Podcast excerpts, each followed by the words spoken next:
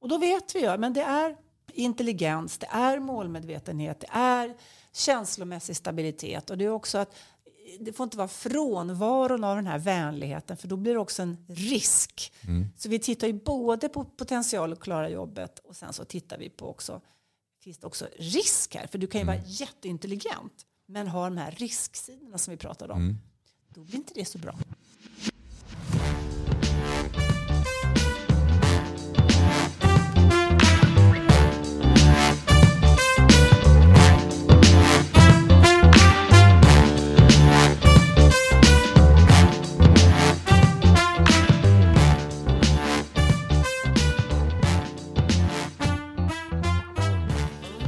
Arbetsutskottet håller ett nytt sammanträde och den här gången har vi en gäst som heter Sara Henrysson Eidvall. Hon är läggpsykolog, specialist i arbets och organisationspsykologi och arbetar också som konsult.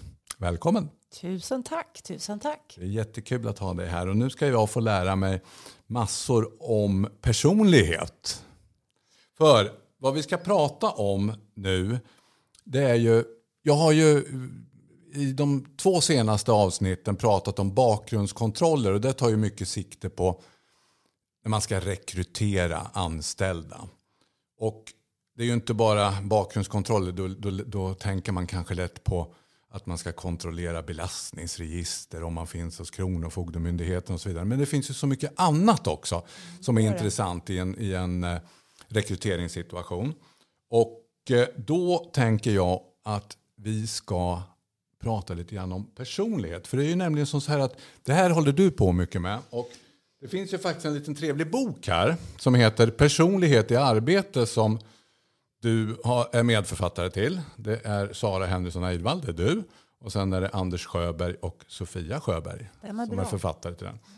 Eh, och eh, den här boken är intressant att läsa och jag tänkte vi skulle prata, vi, vi tar utgångspunkten i den där boken tänker jag. Och så ska du få berätta lite grann om personlighet.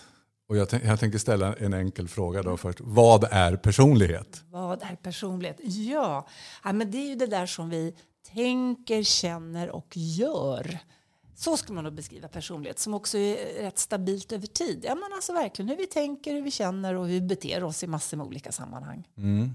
Och hur påverkas den här personligheten? Vad, vad är det som påverkar? Är man, är man född med en, en viss personlighet? Ja, ja, till en viss del. Eller man kan säga alltså att, att en, just att vi är som vi är och också att vi är lite olika. För det är ju spännande. Alltså, vi är ju inte exakt lika och det har vi ju ganska bra hum vi människor emellan. Att vi, det finns liksom en liten variation mellan oss.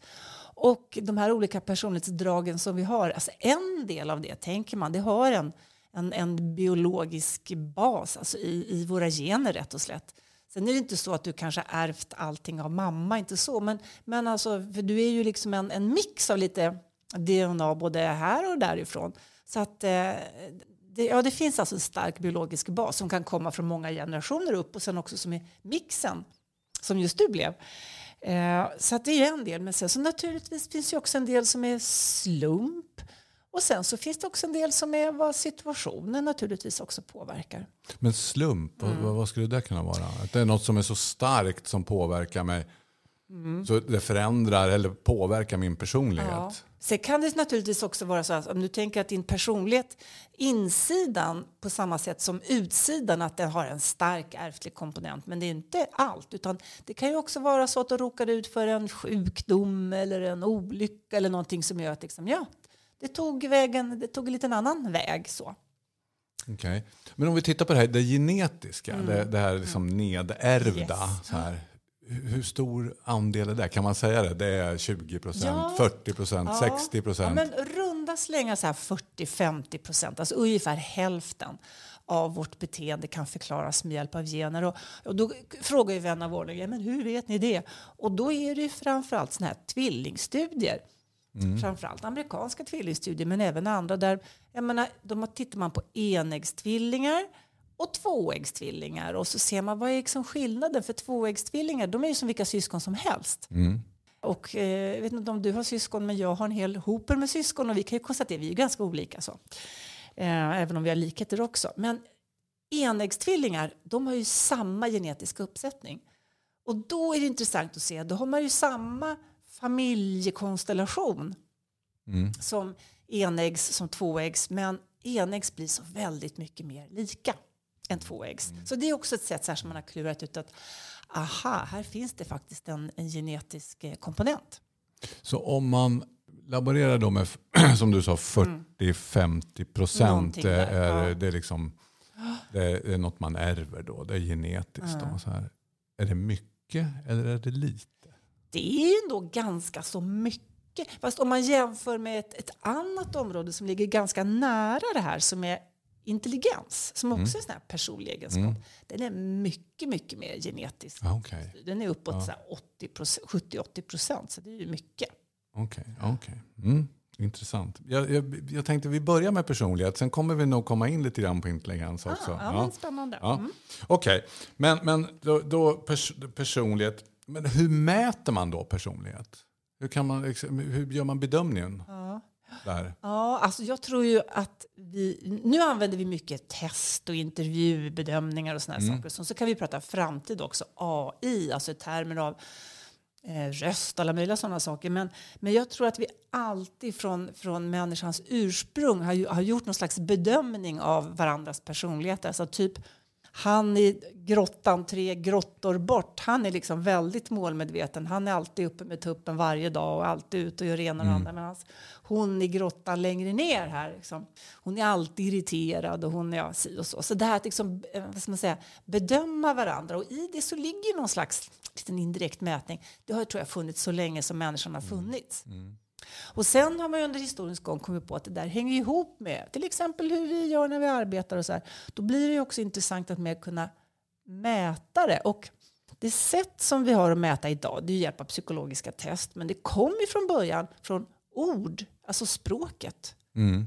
Alltså tanken att språket, hur vi beskriver varandra, alltså ord som vi har för att beskriva mänskligt beteende, att det också avspeglar alltså våra modeller och våra strukturer för hur, hur, hur personlighet faktiskt eh, kan beskrivas på bästa sätt. Så därför så Mm. Det måste ju finnas jättemånga sådana ord. Ja men typ eh, mass, tusentals, tusentals, tusentals. Alltså. Ja. Så det var ju en, en i, i psykologins eh, början på 1900-talet som då tog fram Websters uppslagsverk och tittade liksom på orden för att beskriva mänskligt beteende. Alltså ord för att beskriva ja, beteende.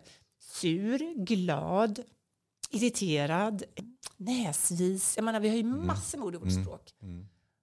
Och som ett sätt att liksom försöka fånga in det här begreppet mellan mänskliga skillnader, personlighet.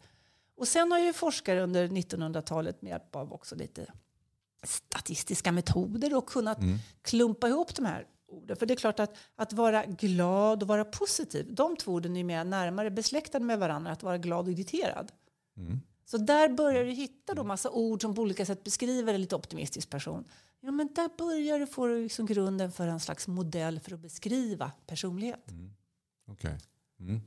Ja, nej men det, det är intressant. Men det går inte att jobba med en förfärlig massa sådana här eh, ord. Då. Nej, så att vi har kommit blir- en bra bit på det. Så Ja. det gav ju oss en så här mental modell över vad personlighet är och hur, vilka, vilka, vilka begrepp och faktorer som vi kan beskriva som kan ringa in Mm. våra skillnader och likheter. Okej, så nu, vi började vid, i grottorna Ja, här då. ja. Ja, och, och nu, nu är Jag vi vet då... ju inte det, men jag är helt övertygad om det. ja, nej, men det är säkerligen så att man har haft sina funderingar om hur grannen Precis. är. Eh, men, men då 2023 som vi är i nu, då, då, vad, vad, vad, vad finns det för, för sätt att hantera det här med personlighet på? Ja, det enklaste och effektivaste sättet är med hjälp av psykologiska test som mäter personlighet. Och det finns ju ganska många sådana. Och, och då finns det ju naturligtvis också olika modeller för personlighet. Men den som har starkast stöd sedan en ganska lång tid tillbaka det är den som kallas för femfaktormodellen. Och då handlar det om helt enkelt att ha test som ställer frågor som ringar in eh, dina egenskaper och svar som man då kan koppla till den här femfaktormodellen. Men det kan ju inte bara vara som så att det är fem fem faktorer som påverkar ens personlighet? Det låter ju väldigt så här, när man tittar på sig fem faktorer, låter det väldigt så här, trivialt och enkelt. Att Mm. visst, visst är väl vi vän, människor väldigt mycket mer komplexa än så. Åtminstone Mm. tror jag att vi önskar det. Men det visar sig att det räcker ganska bra. Men sen är det ju så att den här modellen, om man först hittade fem faktorer, sen så visar det sig att ja, men under varje sån här faktor, då kunde du liksom identifiera ett antal underskalor eller facetter, en fem, sex underskalor under varje faktor. Det är klart. Ja. Och sen så kunde du organisera de här facetterna, faktorerna i två aspekter under varje faktor. Och sen kan du klumpa ihop faktorerna. Så att du, Men, men vänta, två aspekter, vad är det för någonting? jo, om du, du har, den här modellen bygger på fem övergripande faktorer. Och kan man dela upp varje sån faktor i underskalor. Och de här underskalorna kan du också organisera lite så att de liksom visar två olika aspekter av den här faktorn. Så nu märker jag att det är många nivåer. Och så kan du också titta på faktorn, faktorerna uppåt också och klumpa ihop dem. Jag tyckte det var jätteenkelt så länge vi var på fem. Ja. ja, Okej, men, men upp, eh, uppenbarligen är det lite mer komplicerat. Ja, men det är mer än bara, allting än man tror. Mm. Ja, ja, okej. Nej, men det, och, och de här fem faktorerna, ska, vi, ska vi titta på dem? Femfaktormodellen, eller jag har också hört och läst Big Five. Mm. Ja, Big Five kallas det för ibland. Och det tänker jag då på Afrika och Precis, stora vilddjur. Så här, men det är det inte här. Nej. Inte det här sammanhanget. Nej. Nej. utan de här fem övergripande faktorerna det är målmedvetenhet. Mhm. I vilken utsträckning som du liksom driver mot mål och vill åstadkomma prestation och sådana saker. Mm. Och sen är det vänlighet eller sympatiskhet som det kallas ibland. Som det här att vara samarbetsorienterad och konsensusdriven. Och sen är det känslomässig instabilitet. Det här att vara lite oroligt lagd och se världen som lite farlig och, risk, och liksom vara väldigt riskorienterad. Utgångspunkten är instabiliteten. Ja, liksom så här, att man, det är en risk, det är Ja, stress, det är menar- jobbigt. Exakt, att ha lite span på oh, nu luktar det inte lite rök här. Eller liksom, ja, men är det inte lite eh, farligt här? Och, alltså, hela tiden ha den, den, vad ska man säga, radarn på gång att det är lite risk här, lite farligt.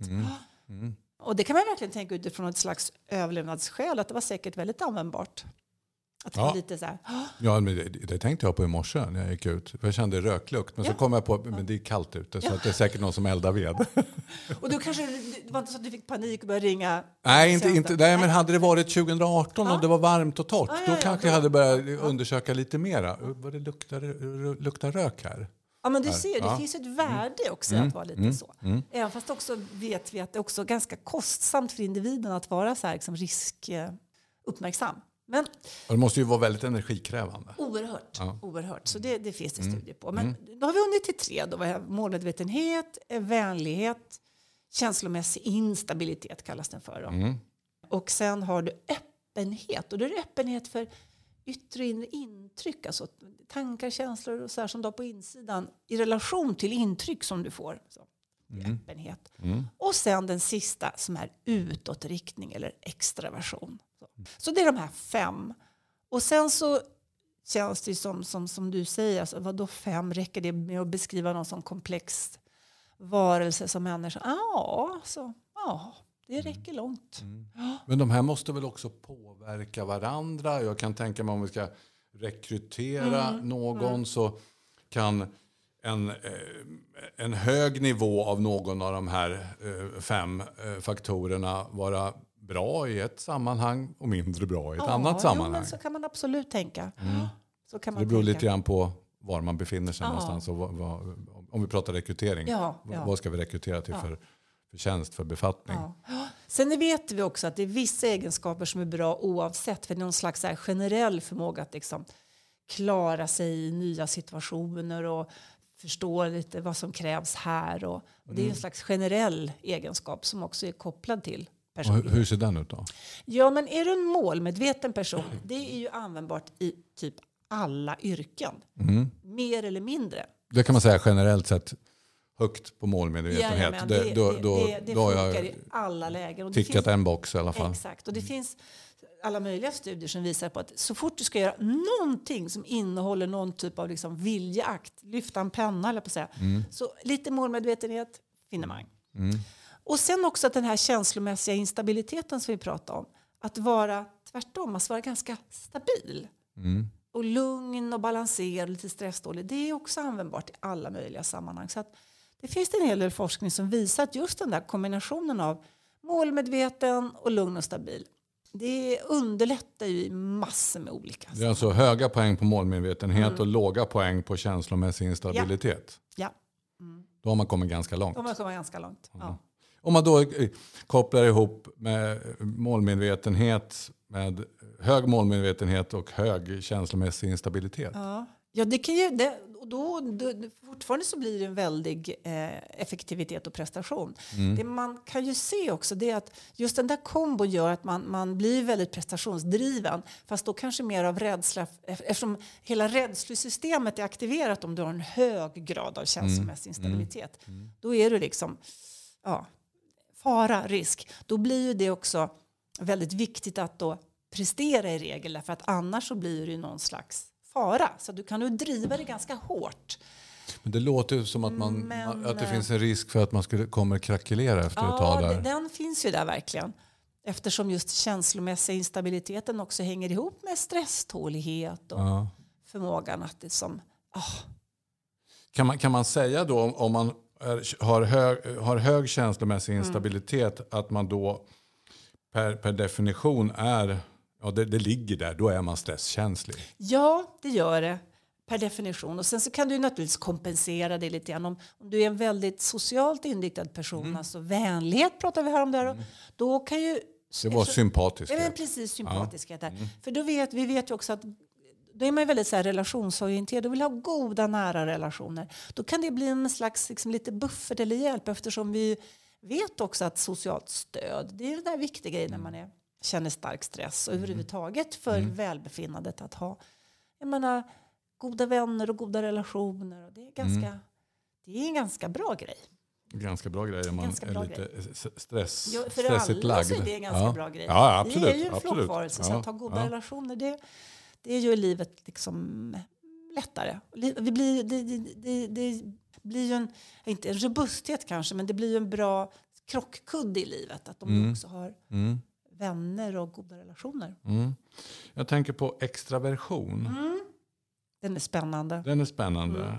Mm. Vad har den för betydelse i sammanhanget? Jag vet inte om man kan fråga så överhuvudtaget, men jag gör det ändå. Ja, men, ja. Jo, men det är det här att vara utåtriktad mm. och, och, och också, alltså, egentligen kärnan i det är mycket att drivas av att få en slags, vad ska man säga, social belöning i andras ögon. Alltså mm. det här att liksom få, mm. att, att eh, få respons från andra.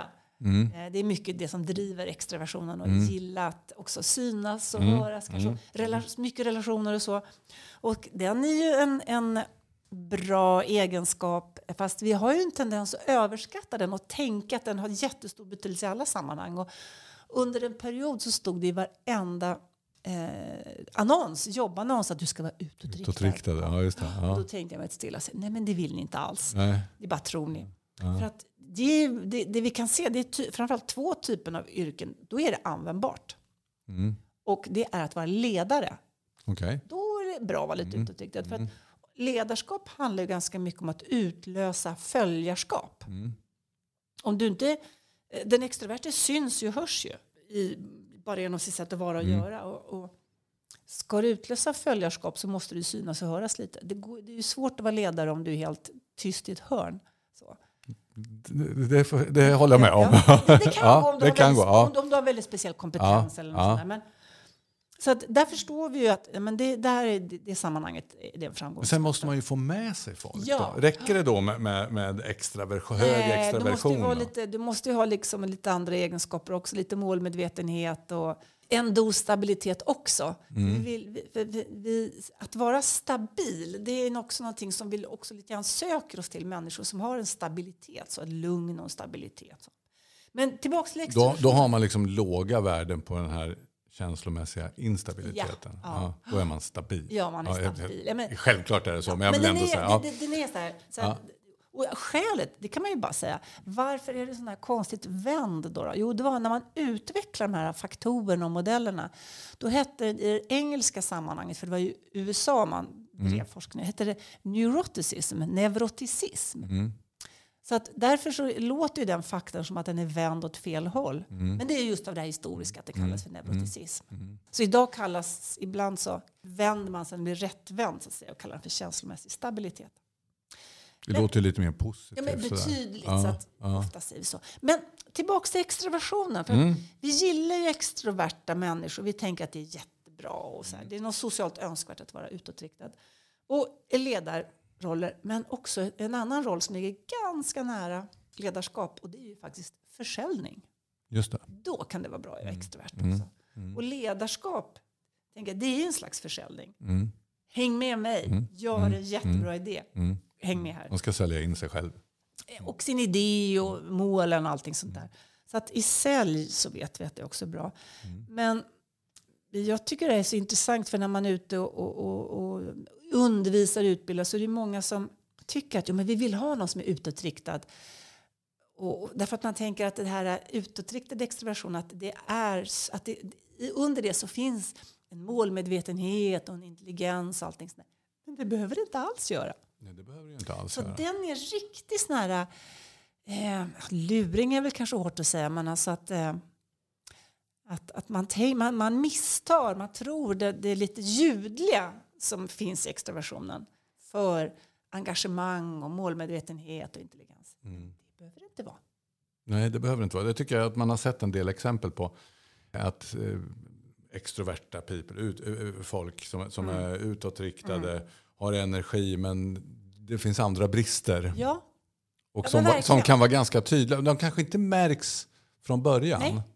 För utåtrikt, de är ju, antar jag, ganska trevliga också. väldigt. Ja. Ja. Och det kommer man ju ganska långt med. Man kommer jättelångt med det. Utåtriktad och trevlig, Ja, ja, ja. kommer jag jättelångt. Men sen finns det någonstans eh, ett stopp Ja, Det kanske. kan, om, man, om man har andra egenskaper. För just det här, man gör sig jättebra i en, i en anställningsintervju till exempel. Eftersom man är duktig på sociala kontakter, det är ganska liksom pang på sådär.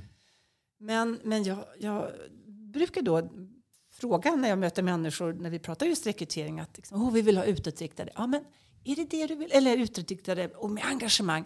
Ja, men är det det du vill ha? Är det inte så att det du egentligen söker, det är någon som en tråkig regn, regnig torsdag i november klockan tre gnetar på och jobbar på oavsett engagemang och motivation. För det går ju upp och ner för oss alla. Men som har någon sån här plikttrogen målmedvetenhet. För det är ju det som vi ofta behöver. Plikt, plikttrogen och lojal Ja, och och allt det det blir, ja. det blir så frustration när det saknas. Den här som kommer in på fredagen trots att man har varit sjuk måndag, tisdag, onsdag, torsdag. Ja, men i alla möjliga sammanhang det här att ändå så kan mobilisera lite kraft och energi och bara helt enkelt gneta på. Mm. Se till att jobbet blir gjort. Är det ofta som du får eh, gå in eh, och säga det, men är det verkligen det här du vill ha? Är det inte det här som du vill ha egentligen? Ja, ganska ofta måste jag säga. Och när, när, när vi diskuterar det här så säger ju liksom folk bara jaha, de förstår ju väldigt snabbt. Så. Att man kan känna igen sig att man blir lite charmad av det här utåtriktade outgoing så att säga. Men att det var, kanske, det var kanske inte det man var ute efter egentligen. Okej, så det, det är inte bara det att man ska fundera på vad är det för något vad är det för arbetsuppgifter som den här personen ska utföra och så vidare. Utan det handlar också om vad är det för personlighet som jag vill att den här kommande medarbetaren ska ha.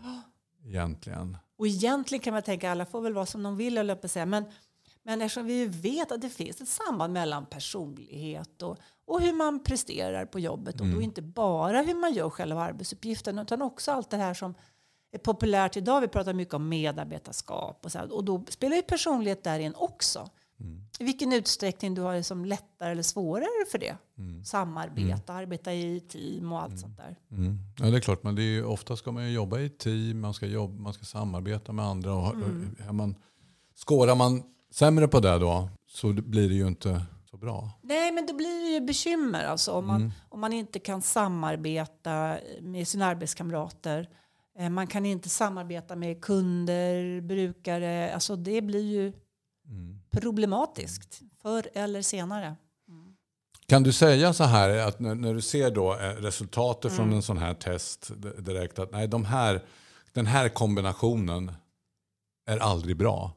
Ja, alltså vissa saker vet vi, men då är det ju på gruppnivå. Så att då, då vet vi att Det går inte att säga att det är Kalle Karlsson, liksom, utan det är gruppnivå Ja, vi det, pratar det, om. den kunskap vi har är ju från gruppnivå. Men det är det som är så klurigt med rekrytering. Att, att eh, det här att bedöma andra människor, det är ju ganska svårt. Mm. Om det vore lätt, då skulle vi kanske inte ha några skilsmässor. Nej, precis. Det är en urvalssituation. Nej, men då skulle inte det här vara ett problem. Men det är ju svårt att i, ett ur, i en intervju eller samla in lite CV eller vad vi nu har för någonting, att göra någon slags idé om ja, men hur kommer den här personen prestera i ett jobb de kommande fem åren på den här arbetsplatsen. Det är ju jättesvårt.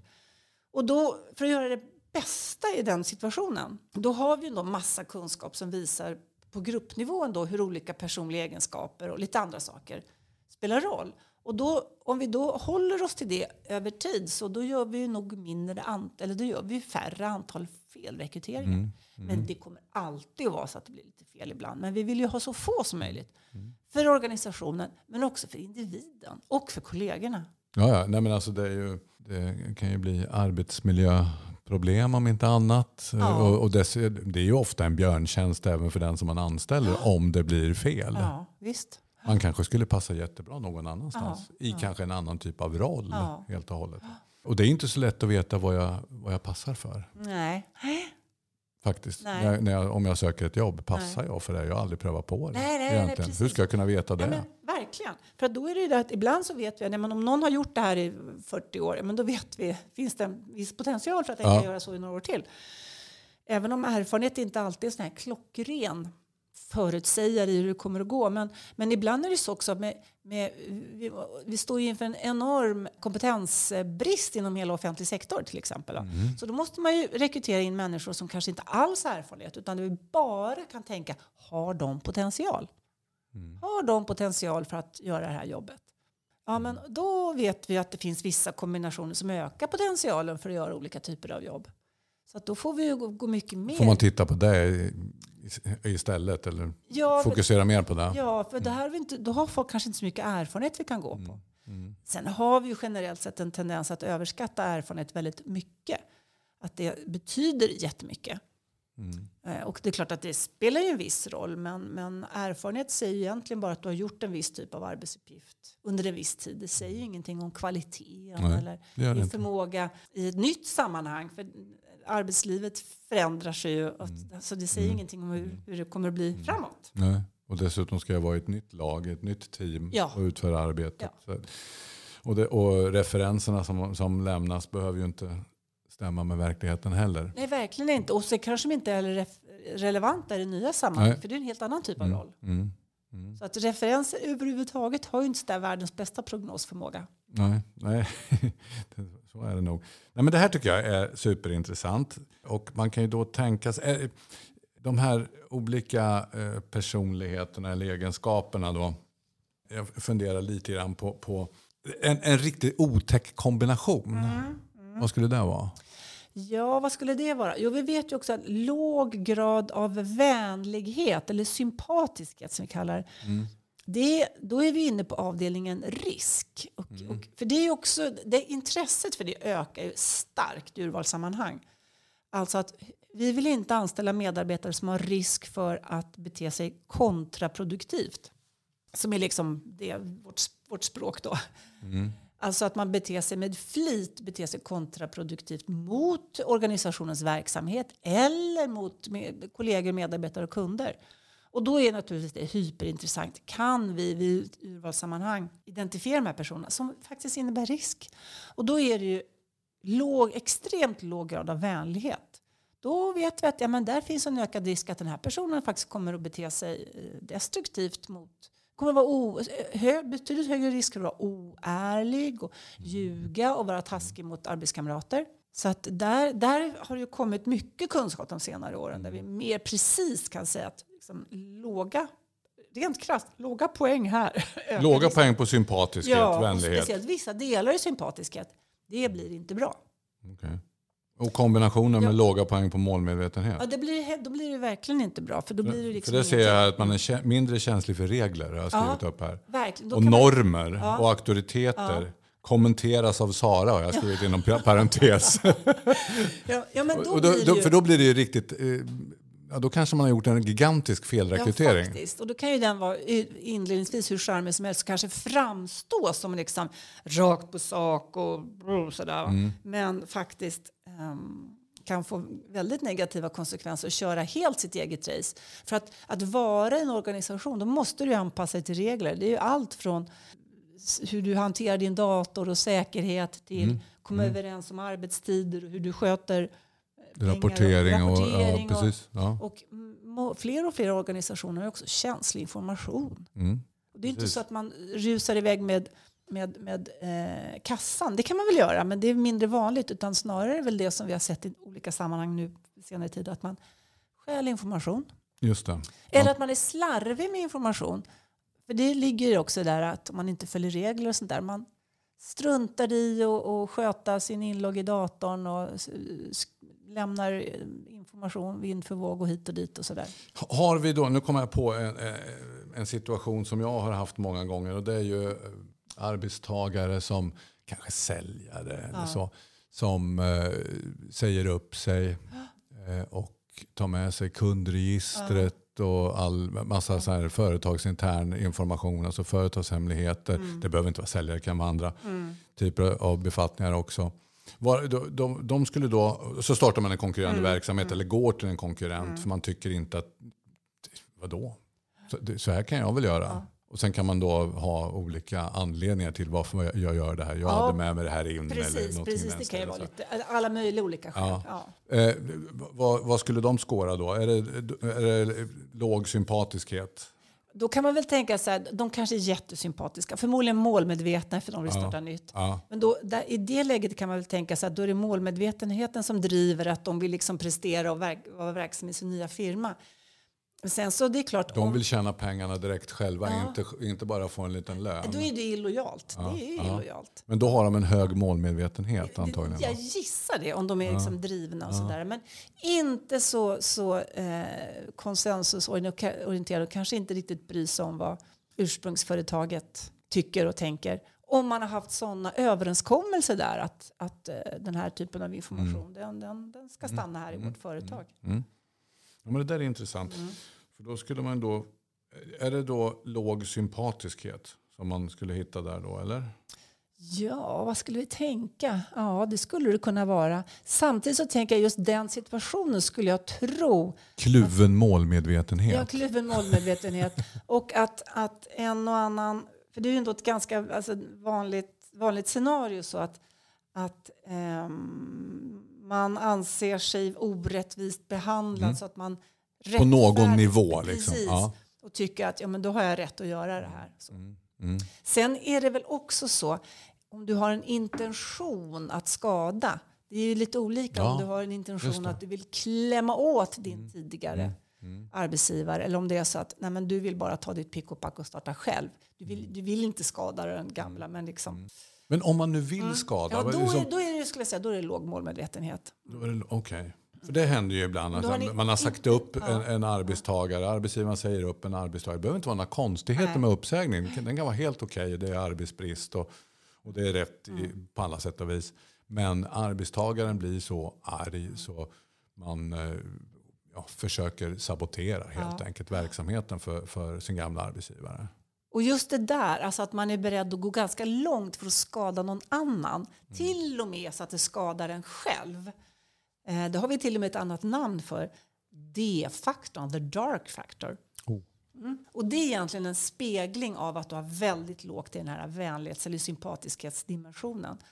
Okay. Alltså, då, då, är det riktigt lågt. Då är det just det här alltså att då är du, du är beredd, du är beredd att till och med om du själv får betala för det så, så vill du nog Det är värt det. Yes. Ja, okay. Hur ser de här skalorna ut då egentligen? Liksom, är, är det 0 till 10? Det beror på lite vad man har för, vad man väljer för någonting. Men själva grunden är att det här är egenskaper som vi kallar för normalfördelade. Mm. det finns en normalfördelningskurva eller en sån mm. skala från början. Så att alla de här egenskaperna. Nu har vi pratat en del om just sympatiskhet och de flesta är ju ganska snälla. Mm. Så lite långt. Mm. De mm. flesta är ju det. Mm. 68 procent. Ja men typ, det är, det är snälla och vänliga. Så ibland så kanske hetta till lite och sådär. Mm. För att situation, det finns ju också en sit- situationskomponent naturligtvis alltid. Mm. Alltså situationens komplexitet kan man säga. Den styr lite grann också hur mycket av din personlighet som nu kommer att synas och få utlopp här. Mm. Är det väldigt standardiserade situationer, då syns inte personligheten lika mycket. Men är det en situation som är lite mer komplexa, det finns liksom utrymme för många frihetsgrader, egna beslut, då syns din personlighet mer. Och dina egna värderingar kickar igång mer och sånt där. Men var var vi? vi var, jo, just det. Eh, nej, eh, sympatiskhet. Ja. Jo, normalfördelningen, just det. Så nu har vi, om man nu tänker, som du säger, 68 procent av oss är snälla och vänliga. För det mesta så ibland liksom lite sur och tjurig sådär. Men då har vi också några som i alla väder är jättesnälla och vänliga och ärliga och liksom empatiska ur som skur. Och så har vi alltid några i andra änden som tävlingsinriktade, lite Ja, arroganta, liksom me, myself and I. Så att det är ganska få där ute i ändarna. Eh, och, och då är det ju vissa, vissa personlighetsdrag i de här ändarna som vi inte gärna vill ha in. För det, Men, men om vi pratar om hög målmedvetenhet, låg målmedvetenhet. v- Liksom, hur ser skalan Ja, ut? men då, kan man nu tänka, då, då får du tänka om du så snyggt och hade då 68 procent. Ja. Det är ju liksom så här. Vilken gissning från mig, eller hur? Ja. Så att där inom ryms ju någon slags normalvariation. Så du ska ju liksom upp över där. Så det är Mm. liksom typ de här 15 procenten i varje ända ungefär. Mm. Då. Eh, lite mer, vad blir det? 16. 16 procent i varje ända. Där har du liksom riktigt högt och riktigt lågt. Sen så har ju vi, när vi håller på att konstruera test och mäter och här saker, då kan vi använda oss av lite olika skalor som alla avspeglar den här normalfördelningskurvan. Och då kan vi vara lite mera, ännu lite mer finlir där. Så vi kan veta att vissa nivåer, att ha höga värden är kanske, på vissa faktorer så kan det vara ganska, ganska kanske man ganska snabbt hamnar där. Och så i vissa så krävs det ännu lite mer. Så det, det är lite olika. Så. Okej, eh, då tänker jag så här. Hur tycker du att en, om du, om du får ett uppdrag från, från en HR-avdelning hos någon arbetsgivare, något företag eller en organisation som säger Sara kan, kan du hjälpa oss med rekrytering här. Hur, hur skulle du lägga upp Hur skulle du säga så här, gör så här, det här ett, två, tre, fyra. Det är den här ordningen som du vill ha. Ja, först så vill man ju veta vad är det för roll som ska rekryteras. Så. Alltså någon slags kravprofil, någon, någon information och vad är det för saker och ting som ska göras i den här rollen. Och då är det också till exempel vilken komplexitetsnivå. Är det ett jätteenkelt jobb eller ett väldigt avancerat jobb? Eller få någon bild av, av själva rollen. Och utifrån det så får man då fundera men också, okej, dels har vi vilka, vilka som fackkunnande som ska kunnas, men det är ju inte, det brukar i regel inte vara eh, mitt, jag brukar Nej. inte vara så inblandad i just den delen. Man kanske måste ha en typ av examen eller erfarenhet av någonting, utan då är det den här personliga lämpligheten. Och då, då har vi ju personlighet och här kommer ju också intelligensen in också. Kom, vi kunde inte hålla oss ifrån Nej. den. Den kommer nu. Ja. För att hur du lyckas i ett arbete, det beror ju inte bara på din personlighet, utan det beror ju också på din intelligens, eller egentligen intelligens är ett annat ord för problemlösningsförmåga, logiskt tänkande eller to know what to do when you don't know what to do. tycker jag är en ganska bra bild. Alltså i nya sammanhang förstå hur ska jag liksom göra här? Och då, om det är ett jobb som på en väldigt hög komplexitetsnivå, då vet vi att ja, men, okej, vi måste mäta intelligens här också, för den har ganska stor det har ganska hög tyngd i hur den här personen kommer att göra, lyckas i sitt arbete. Och urval handlar ju alltid om att rangordna de kandidater som vid den tidpunkten söker. Och som det är vid den här tidpunkten, du har tio kandidater, men då handlar det om att du måste rangordna dem på något sätt. För du kan inte erbjuda alla tio jobbet. Och rangordna dem utifrån kriterier som är relevanta för hur man lyckas i detta jobb. Så det är de kriterierna som du måste ha koll på. Och då vet vi ju, men det är intelligens, det är målmedvetenhet, det är känslomässig stabilitet och det är också att det får inte vara frånvaron av den här vänligheten för då blir det också en risk. Så vi tittar ju både på potential att klara jobbet och sen så tittar vi på också, finns det också risk här? För du kan ju vara jätteintelligent men ha de här risksidorna som vi pratade om. då blir inte det så bra. Så att då får, låter man personen genomgå test som innehåller då frågor om personlighet och intelligens. Sen viktar vi dem. Och nu, eh, det är ingen, som, ingen från arbetsgivaren som har träffat de här människorna än som söker? Det beror lite grann på. För, det, för att vi går ju mer och mer mot att ha tester ganska tidigt i processen.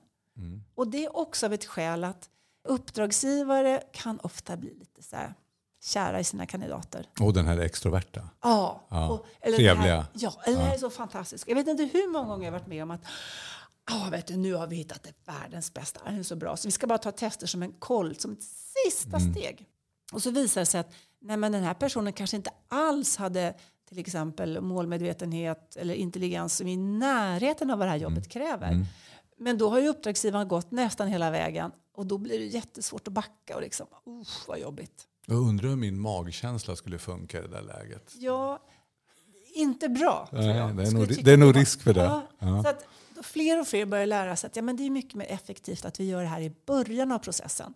Så, att så det är liksom den första delen i urvalet ja, egentligen? Ja, egentligen. Så, att, och då, vet vi, så kan vi vikta de här personliga egenskaperna utifrån det vi har pratat om här nu. Vad, mm.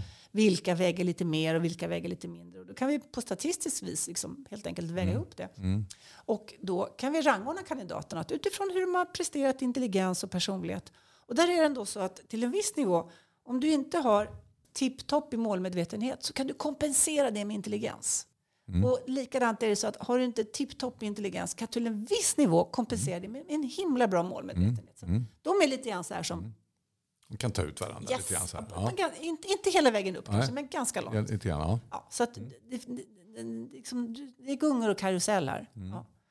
Så att du inte har här kan du ha där. Så, så det är ju trevligt. Så när du jobbar som konsult här då ja. så, så, eh, och har fått ett uppdrag, mm. då, då, säger du till den här uppdragsgivaren, jag tycker inte att ni ska träffa de här personerna nej, innan nej. vi har gjort testerna. Mm. Ja, så jag, jag har precis gjort ett sånt tidigare. Då var, det, då var det ganska många som skulle faktiskt anställas. Men då var det så att nej, de här som fattade besluten, de hade inte träffat eh, kandidaterna. Eh, utan då var vi andra som fick göra förjobbet. Så när vi väl presenterade dem så kunde vi säga att ja, men så här. Mm. För då kunde vi också, faktiskt också, om det var några som inte bör gå vidare, då hade vi redan kunnat ta hand om det. Mm. Mm. För annars så kan man... För det är också så här, kandidaten investerar också mycket tid och energi. Så det blir också mer effektiv rekryteringsprocess om du faktiskt mm. använder de instrument du har på ett sånt sätt så att det liksom, du får ut mesta möjliga av dem. Och, då, mm. och, och lägga urvalstester i början av en process. Mm. Men Okej, okay, men nu har ni fått då resultatet ja. från de här testerna. Mm. mm. Vad gör vi sen? Ja, men då, har vi, då, då, då återkopplar vi och då, då så har, och egentligen kan jag ju säga då så att ja, men då räck, den enklaste är så att ja, men kandidat 1 hade liksom mest här nu. Mm. Men om man inte gör det, utan man vill bygga på lite mer med intervjuer, då, för det vill man ju göra ibland också, alltså vad har folk gjort, vad har de för erfarenheter, sådana saker. Och då är det viktigt att skilja på en, en intervju som handlar om personlighet och en intervju som handlar om erfarenheter. För det mm. kanske är så att i det här arbetet så krävs det vissa typer av erfarenheter eller kompetenser. Men det som är vanligt är att man i urvalssammanhang har intervjun som en dubblering av personlighetskollen. Så att du mm. intervjuar för att bedöma personlighet. Men det har du ju redan gjort i testet, så det finns ingen anledning att göra det en gång till. Men, men vänta här nu, var inte den där personlighetstesten mer ett svar på gruppnivå? Jo, men du kan ändå, du kan ändå tillämpa det på individnivå. Kan man inte fejka det här? Jo, det kan man. Alltså som, jag är kandidat här ja. och så, nej, men jag vet att den här arbetsgivaren vill ha det här svaret, tror jag mig vet mm. i alla mm. fall. Jo, men till en viss del. Eh, samtidigt så, också, så pekar det också mycket på att ja, men de har också lite grann förstått vad rollen kräver. Att det mm. finns en viss liksom, anpassning av det. Mm. Intelligens kan du inte fejka. Okay. Om du inte låter... Jag har aldrig, jag har aldrig, jag har aldrig gjort... Jag har, jag har hållit mig borta från sådana där tester för jag bara, är rädd för vad det blir för resultat. Om man bara uppehåller sig vid det en stund så är min, tror jag, att just av fejking-skäl så tror jag att den här trenden att vi har haft digitala tester som folk har gjort hemma mm. och då kanske låtit eh, sin übersmarta syrra svara på intelligenstestet istället för en själv eller flickvännen eller vad det nu är den tror jag vi kommer att mer och mer gå tillbaks till att man får genomföra test på plats. På plats. För att vi ja. måste ha lite mer kontroll helt mm. enkelt. Mm. Men det finns visst absolut ett element av faking, men det gör det ju i intervjun också. Det intressanta är att också uppdragsgivaren fejkar också lite grann och framställer sig som lite finare, lite bättre. Men, det, det, har man varit med om. Ja, ja. eller hur? Men kruxet är också att vi är ju inte så gjorda att göra mänskliga bedömningar så jättebra. Mm. Alltså att förutsäga, när vi möter någon i ett sånt här sammanhang och när vi gör en intervju, att kunna förutsäga hur någon person ska bete sig framåt i ett ja, arbete. Så därför har man ju sett i en hel mängd olika studier att sådana här vad vi kallar för statistiska bedömningar, det vill säga att vi går på testresultat. Mm. Inte på hur intervjun känns. Det är jag, min personliga bedömning hos dig. Att testresultaten är över tid säkrare. Mm. Ganska mycket säkrare. Mm. För i intervjun smyger in massa bedömningar av andra saker om, om, om eh, just, vad just jag tycker om dig eller den här kandidaten, om vi har gått på samma skola och mm. alla möjliga sådana saker. Så den innehåller också en del risks, risker. Ja, mm. Så att det blir mer likt för alla. Att mm. alla får precis samma mm. betingelser. Mm. Och så vill vi också ha en urvalsprocess mm. där alla som är med i processen behandlas så lika det överhuvudtaget bara går. Så alla har samma villkor. Så det är också ett skäl till att, att bedöma personlighet genom test hellre än genom intervju. För det är ganska svårt. Alltså. Okej, okay. ja. så vi skickar dem på testerna mm. först. Ja. Och sen har vi någon form av möte, intervju. Ja, och, och, ja. Du gör ju en utvärdering också först ja, naturligtvis. Jag, jag, precis, jag gör ja. återkoppling av testresultat kan jag göra. Men sen, men sen intervjun, att den... Är du med på sån intervju eh, också? Det beror lite grann på vad det är för typ av upplägg och sådär. Men oftast är det så att min del är bara att göra personlighetsintelligensdelen. Eh, så. Men den här personlighetstesten mm. som du gör då mm. med de här människorna. Mm. Är det ett dokument bara? Ja. Eller sitter du och pratar med dem? Nej, jag pratar inte med dem. Då får de fylla i massor med frågor. För ja. alla sådana här personlighetstest är upplagda på ungefär samma sätt. Mm. Du får besvara en mängd frågor. 150-200 frågor om hur du vanligtvis brukar tänka och känna och göra. Mm.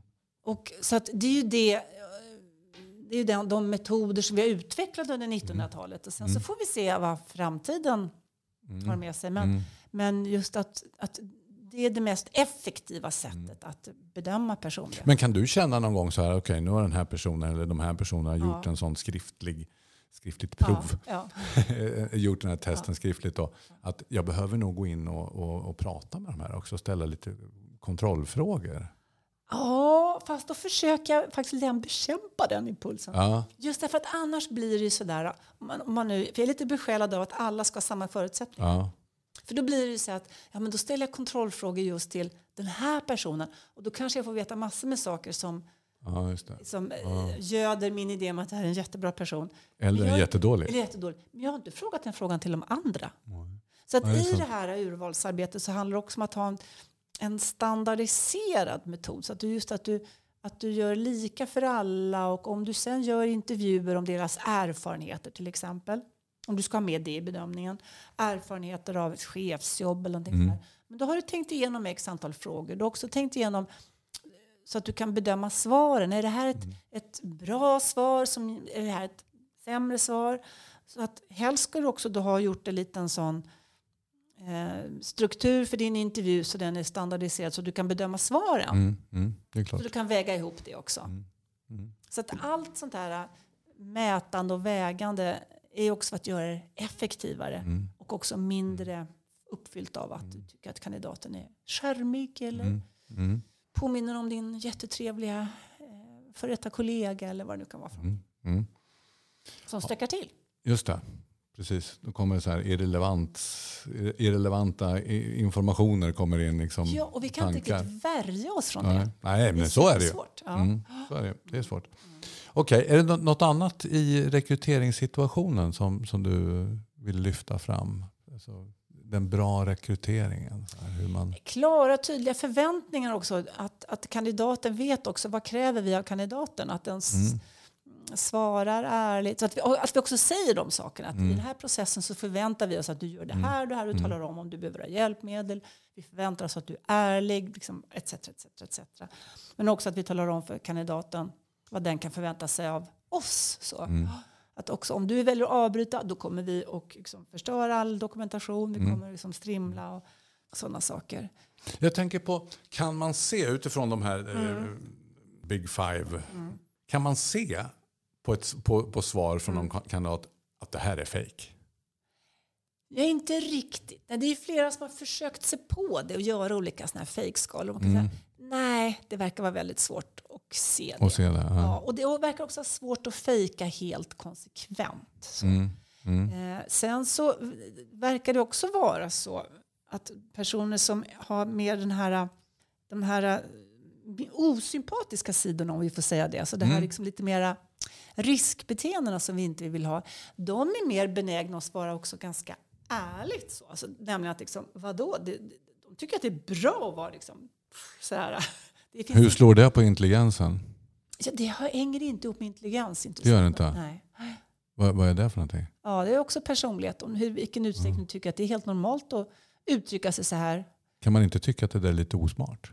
Ja, det skulle man kunna tycka, men, Och mindre intelligent? ja, ja, men eh, uppenbarligen så finns det så är det, den här idén om att de här Ja. psyko, liksom psykopaterna, slarv, det är ju inte Ja, psykopater, men, nej, men- vara så försåtliga och förställa sig. Ja. Nej, men det verkar inte riktigt vara så, utan tvärtom. Utan, jag De, är stol- de är stolta Ja, över att de är på det sättet? on, alltså. Ja. Men det är bra att vara så här, hålla på Ja. och dalta och fjanta. Ja. Utan liksom, Ja. så. Det, är, det är spännande. Ja. Okej, nu har vi anställt. ja. Eh, och eh, då tänker jag som så här, vi pratar lite, lite grann om stabilitet. ja. Och, och jag tänker den här situationen då där, där det visar sig att, det, det här var ju då naturligtvis en, en, en rekrytering där du inte var involverad. Utan nu, har vi, nu har vi en rekrytering som inte gick något bra. ja. Ja. Och det, eh, ko- kommer du in då, kan du komma in i en sån, en sån situation där, där det har uppstått problem i en anställning med Ja. en medarbetare? Absolut. Och, och, och kom, då får du komma in och, och prata med den personen, prata med chefen och så Kan vidare. hända. Mm. Kan hända. Men då är det inte min roll som urvalskonsult, utan då är det kanske som konsult överhuvudtaget att man kan Ja, se det. om man kan lösa Ja, problemen precis, och så precis. vidare. Överbrygga Ja, och, går och det? lösa. Finns det det? förutsättningar här att ändå liksom komma vidare på något Ja. sätt? Och då tänker jag som så här, går det liksom att ändra den här personligheten? Det- Den här, det, det visar sig då att den här personen är väldigt känslomässigt instabil och väldigt stresskänslig. Jag tar det bara som ett Ja. exempel. Otroligt stresskänslig. Eh, Det här är egentligen ett, jobb, en, en anställning, en tjänst som definitivt inte passar den här personen. Kan man då, på grund av den personlig, personligheten då, eh, eller personliga egenskapen, kan man då på något sätt hjälpa den personen att, att, att, att klara av det här? Alltså, då pratar jag inte om att någon, någon medarbetare ska komma och göra vissa Nej. saker. Utan, Ska en personlig assistent? Typ. ja, precis. Det, det kanske inte funkar i arbetslivet alltid. Men, men, men, men utan här, här är det mera, kan vi förändra personligheten till, Nej. till det bättre? Nu sätter jag upp mina fingrar här. Som en, ja. Nej, personlighet verkar ju vara väldigt stabilt. Och det är också för att du har den här liksom, genetiska komponenten. Sen är det klart att det pekar ju på att vissa har kanske lättare att på något sätt förändra. Men de flesta av oss har en väldig stabilitet. Den är inte förändringsbar. Vi ändrar oss lite när vi blir äldre. Men det är inte så att vi... eh, Om, om du är en väldigt känslomässig, eh, eh, instabil person så blir du något lite stabilare när du blir äldre. Det orättvisa är att om du är väldigt känslomässigt stabil så blir du mycket stabilare när du blir äldre. Så där är liksom, Okej. lite, lite orättvist kan man ju tycka. Ja. Men så att, och, det, och det där är lite, eh, det är en realitet att nej, men vi kan inte ändra vår personlighet särskilt mycket. Men någonting går det väl att Ja, men påverka? jag, jag, jag skickar den här personen på en stresshanteringskurs Nej, det i verkar- tre veckor eller två veckor eller hur länge man håller det på. verkar ju inte vara någon höjdare. Det, Det funkar inte? Nej. Nej, det där är ju jättesorgligt för det finns ju en jätteindustri överhuvudtaget när det gäller att vi ska ändra vår personlighet Mm. och bli någon annan än vi är. Och det pekar ju inte på att det går så bra. Uh, utan det finns ju stöd för att jo, men är du känslomässigt instabil då kan du med hjälp av KBT så kan du ändå påverka det. Inte så här jättemycket, men för den enskilda individen kanske har jättestor betydelse. Och där kommer det in lite grann på den här stresskänsligheten. Att, ja, men KBT och, och så, men det är inte så att du ändrar liksom hela din personlighet. Utan, och det, det visar dessutom att då måste du hålla på och fortsätta din KBT-träning. Lägger du av med den, Då faller man tillbaka. Det är ungefär som vilken träning som helst. Ja. Så att snarare är det väl så att lära känna sig själv. Okej. Det är den ena ringhörnan. Alltså, vad, vad typ av arbetsmiljösituationer kommer jag bäst till min rätt i? Alltså, det kan ju vara stressnivå, det kan ju vara komplexitet, det kan ju vara vilken utsträckning jag kan stå ut till exempel att jag har en roll där jag får möta eh, missnöjda kunder till exempel. Mm. Att, ha en, att, att ha en förmåga att kunna stå ut med olika sådana typer av situationer. Så det är också att lära känna sig själv och veta lite vad, vad, vad mår jag bra av och vad mår jag mindre bra av. Sen så är det naturligtvis också klurigt så att arbetsgivaren har också ett ansvar att liksom, hur kan man anpassa och sådär. Men Mm. Jo men det är ju så. Jag, ja, jag, det menar, jag, hamnar ju håll- du i. Ja, nej, men jag håller ju på med arbetsrätt Mm, och då vet man ju liksom, är det någon som inte fungerar riktigt Ja. då har ju arbetsgivaren ett stort ansvar Ja, naturligtvis ja. att försöka underlätta Ja. med hjälpmedel eller med arbetskamrater eller ja, vad det nu är Mm, för problem som man har och hur man nu kan hjälpa till. Coacha. Ja, Är det samarbetssvårigheter, ja. då ska man försöka hitta någon som kan hjälpa till absolut, att lösa de här absolut. Vi samarbetssvårigheterna. löser ju det ibland. Det gör vi verkligen. Absolut. Ja. Det, det, men jag tänker mig, om- exemplet är ju, mitt exempel är den här eh, personen som är otroligt stresskänslig på ett jobb som kräver motsatsen. Egentligen. Går det, är det som- då, tänk, då tänker jag så här, skulle jag kunna driva ett sånt eh, till Mm. domstol och så skulle jag säga som så här att eh, eh, nej men vetenskapen, Mm. vetenskapen i form av Sara Henrysson Eidvall sitter här och kan tala om för, för domstolen att det går inte att få Lisa eller Lars eller vem det nu är att bli mindre stressig. Så därför är det sakliga skäl för Mm. uppsägning. Det finns ingenstans att omplacera och så. Vi, vi har liksom gjort det, det som vi kan göra har vi gjort och det har inte hjälpt. Nej. Men vi kan inte påverka, vi kan inte ändra den här personligheten. Nej. Står sig vetenskapen här? Oh, klurig fråga. För att vi vet ju att det spelar jättestor roll. Men det, i, i den allmänna stressdebatten och diskussionen då lägger vi ju allting på, de, liksom, på organisationen och den organisatoriska kontexten. Vilket ju inte är riktigt sant. Och du har ju en stor personlighet, personlig komponent där också. Så. För visst har vi båda varit i kontakt med sådana situationer där man bara kan konstatera att det här kommer inte funka. Absolut. Ab- Och det spelar ingen roll. Sen så kan man, alltså vad man gör. Sen så kan man ibland komma till vissa organisationer och man känner jo men här har ni rätt rörigt. Om ni liksom styr upp saker och ting då skulle nog fler kunna klara av det här jobbet än vad det gör idag. Men så kan man ibland också hamna i, i situationer där man tänker att ja, men det här är ett för stressigt komplext arbete. Kraven är för höga så att, det matchar den här personens förmåga. Så. Absolut.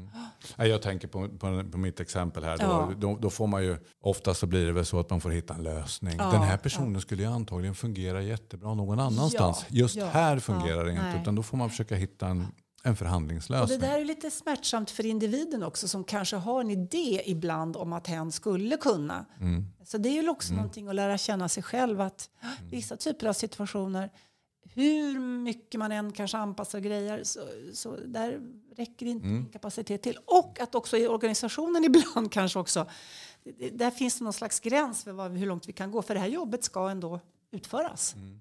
Precis. Det, det är, eh, nu bläddrar jag bland mina papper, det där som låter. Nej, men det här är ju superintressant. Ja.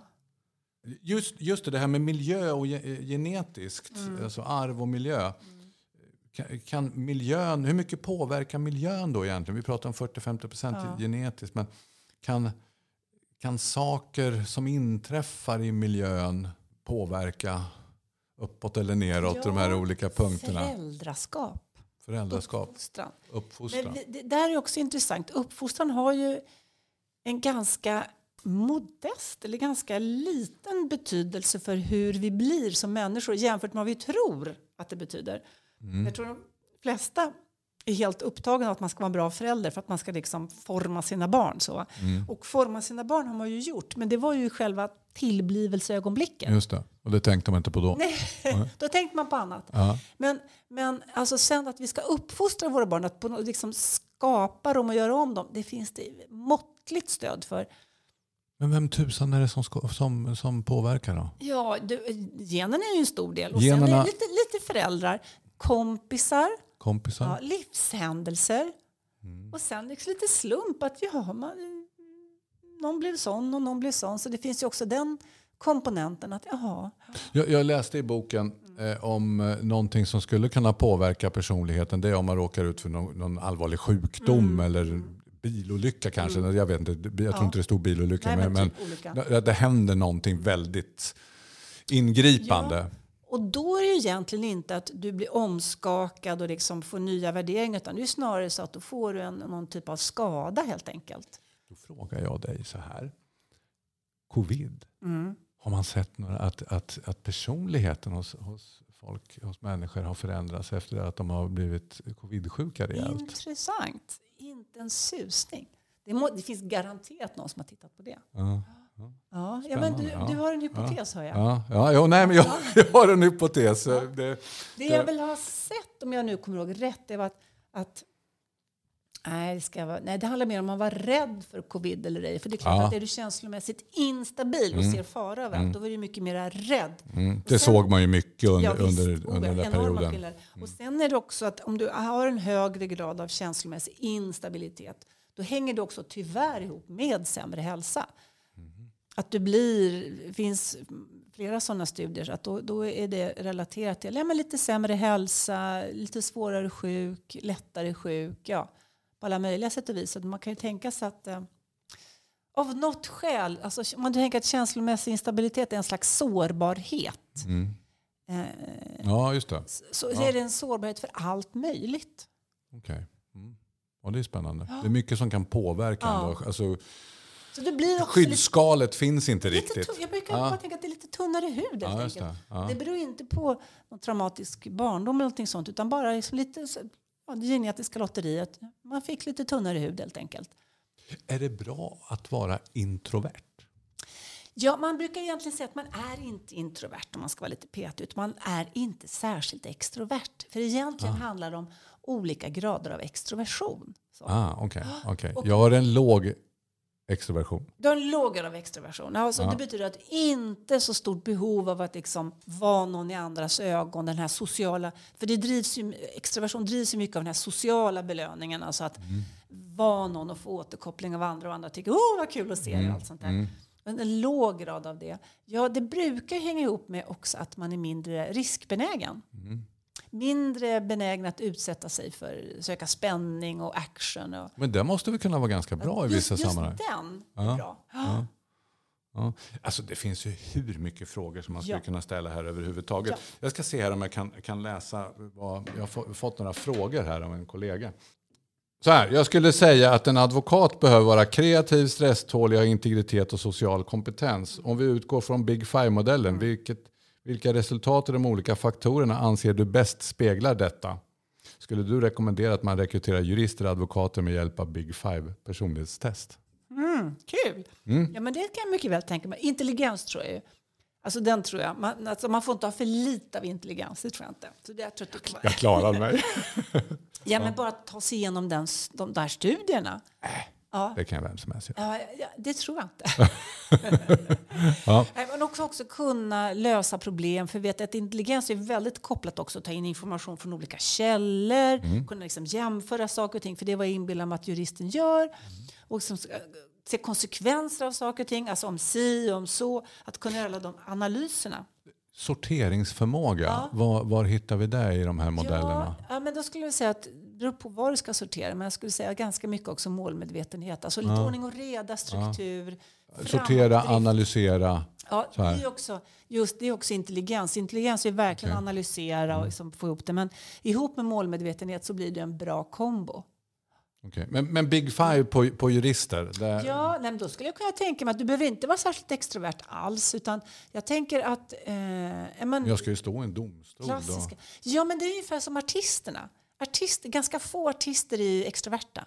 Okej. Man tror ofta att de Men är de är inte introverta, Nej, har, alltså, jag, har jag de är- precis fått lära mig. De är lite extroverta. För där, ska du vara en duktig eh, musiker till exempel, Mm. då måste du kunna sitta hemma i din ensamhet och öva timme Just det, ut och timme in. Ja. Jag har inte tid att vara ute och, och vara extrovert. Nej, nej, utan för, Utåtriktad. nej, Nej. för att du, annars blir du inte framgångsrik och du kan hålla på med det där.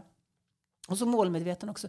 Så jag tänker intelligent, målmedveten och också tänker jag också stabil. Så. Ja. Att, under, att håll, kunna hålla huvudet kallt. Ja. För det handlar också om stress. Stabiliteten där är ju också att till och med alltså att stress till och med gör dig mer kreativ. Mm. Det är också intressant att är du en väldigt stabil person då är det som att under stress, stress finns, stress är ju någonting positivt. Vi tror ju alltid att det är någonting Mm. Ja, ja, farligt, men. Mm. det är ju tvärtom, det är ju fantastiskt. Att kunna mobilisera när så krävs. Mm. Så att vara stressdålig innebär att shit pommes frites, nu måste jag liksom mobilisera Mm. här och komma på vad jag ska göra. Att, att ha den förmågan. Mm. För är man stresskänslig då kan man ju inte, det bara låser sig. Så att Precis. jag tänker, jag bara inbillar mig att när man står där i domstol att liksom, just det, ha tillgång liksom till sig själv och sitt kunnande. Sen är det jättejobbigt om det där man kommer på just då inte är bra. Nej, nej, nej. Du, jag har en liten fråga till här. Nu ska vi se här. Finns det några egenskaper, någon kombination av egenskaper på Big Five-test som alltid kommer att resultera i en dålig anställd? Vad var väl det vi tangerade Jo, förut? alltså, Va? låg grad av målmedvetenhet ställer alltid till problem. Alltid. Kan man säga, om du inte kan kompensera med intelligens. Mm. Och sen också låg grad av vänlighet. Det gör ju också att det blir som inget samarbete. Och så mycket, alltså hög grad av känslomässig instabilitet. Det här är ju lite kombination med annat. För det kan du också, är du känslomässigt instabil men vänlig, målmedveten. Då kommer du ju ändå jobba för, för uppgiften och för teamet. Även om du inte är så lugn och stabil. Så att Den är lite så här bubblare. Men jag tror att vi har tagit de här flesta sakerna som Ramona har skrivit ihop här och ställt lite frågor kring. Men jag, tycker jag tycker att det här är, är eh, jätte, jätteintressant. Det här med personlighet eh, och även intelligens. Känner du att det, det är något mera som, som du skulle vilja eh, föra fram? Mer än att du rekommenderar genomläsning av din bok? ja. Jag tycker att den var Ja, superintressant. men roligt. Ja. Jag slår ett slag också för acceptansen. Alltså det här att vi i alla sammanhang ska förändra oss. Mm. Och det tror jag föder eh, ångest och oro. Utan snarare något element av acceptans att vi är de vi är. Mm. Och också vilka sammanhang som också vi kommer till vår rätt. Mm. Tänker jag också.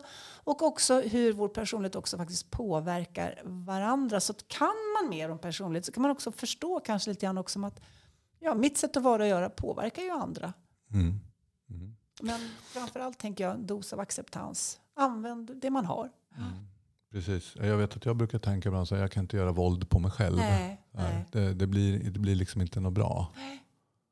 Jag är den jag är. Ja, Sen är det klart man kan, man kan kämpa sig till temporära lyft eller sänkningar. Vad det nu är man är ute det efter i de kanske här det på lite. Ja, det gör det. Men, men det, de, det är väl också så att i arbetslivet då måste du ibland också göra lite våld på dig själv. Därför Ja. att det, här, det är ju att arbeta, det är att kliva Mm. in i en roll och göra det som rollen kräver. Så det måste vi ju. Mm. Och det är, kan ju vara lättare och svårare för oss. Och då kan man inte vara totalt rigid. Och säga, jag är så här. Nej, men det, det, då blir det ju svårt. Då blir det inget bra. Men sen så kanske man då också är ganska trött efteråt om det är väldigt långt mellan mig och det min yrkesroll kräver. Så Mm. man önskar ju där, när det gäller intelligens, då har vi ju på gruppnivå någon slags förmåga att söka oss till jobb som lite grann matchar vår nivå.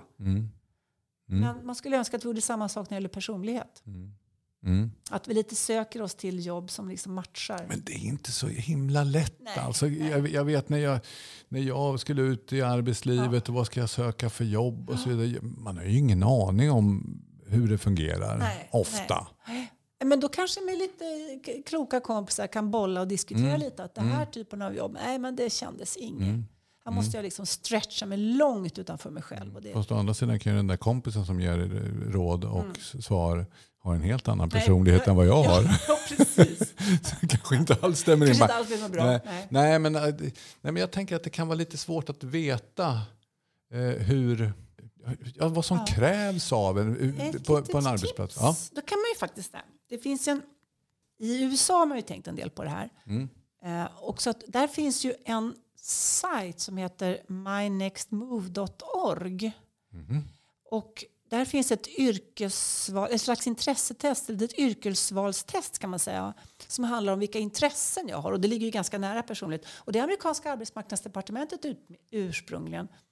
som ville liksom hjälpa folk. Det är lite så här som Arbetsförmedlingens intressetest. Men då kan man svara på lite frågor där och då så kan man också välja vilken typ av komplexitetsnivå kan jag tänka mig i framtiden. Kan jag tänka mig plugga eller vill jag jobba direkt? Och då får man det tips på jobb och de har tror jag vid det här laget har typ 1600 validerade kravprofiler, beskrivningar på olika typer av yrken. Och de där är jättespännande att läsa för då får man verkligen lä- liksom förstå ja, men vad, in, vad, vad, vad innebär det här jobbet egentligen? I den amerikanska kontexten. Ja, men jag, har ägnat, jag använder ofta dem där när jag ska Mm. göra rekrytering i Sverige. För att jobb, alltså är du bibliotekarie här som där, det är inte jätteskillnad. Eller sjuksköterska Mm. eller, eller vad det nu är. Det. Många komponenter av jobben är väldigt lika. Mm. Men där finns det väldigt väl validerat. Alltså spännande. experter som har verkligen gått igenom. Jo men det här, det här fångar in vad det här jobbet Och det här rekommenderar du att det här borde man titta på? det kan man göra. Ja. Faktiskt. Det brukar jag tipsa om. Ja. Just, just ofta lite yngre människor som säger, mm, ja, men, gå in där och kolla. Så får Och då kan du få tips. upprepa vad det hette. mynextmove.org. mynextmove.org. Mm, och det finns det ett, ett amerikanskt system som heter onet.org, alltså occupationalnet.org. Ja, vad Det är Mm. spännande. Mm. amerikanska arbetsmarknadsdepartementet från början. Massor med forskare. Ja, vad kul.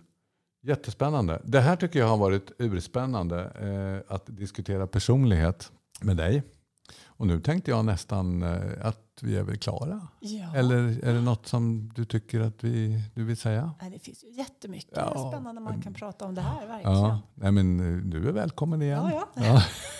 När som. Så då tackar jag dig Sara Andersson Eidvall. Tusen Kul att du kunde komma. Tack för att jag fick komma. Och så säger jag hej då.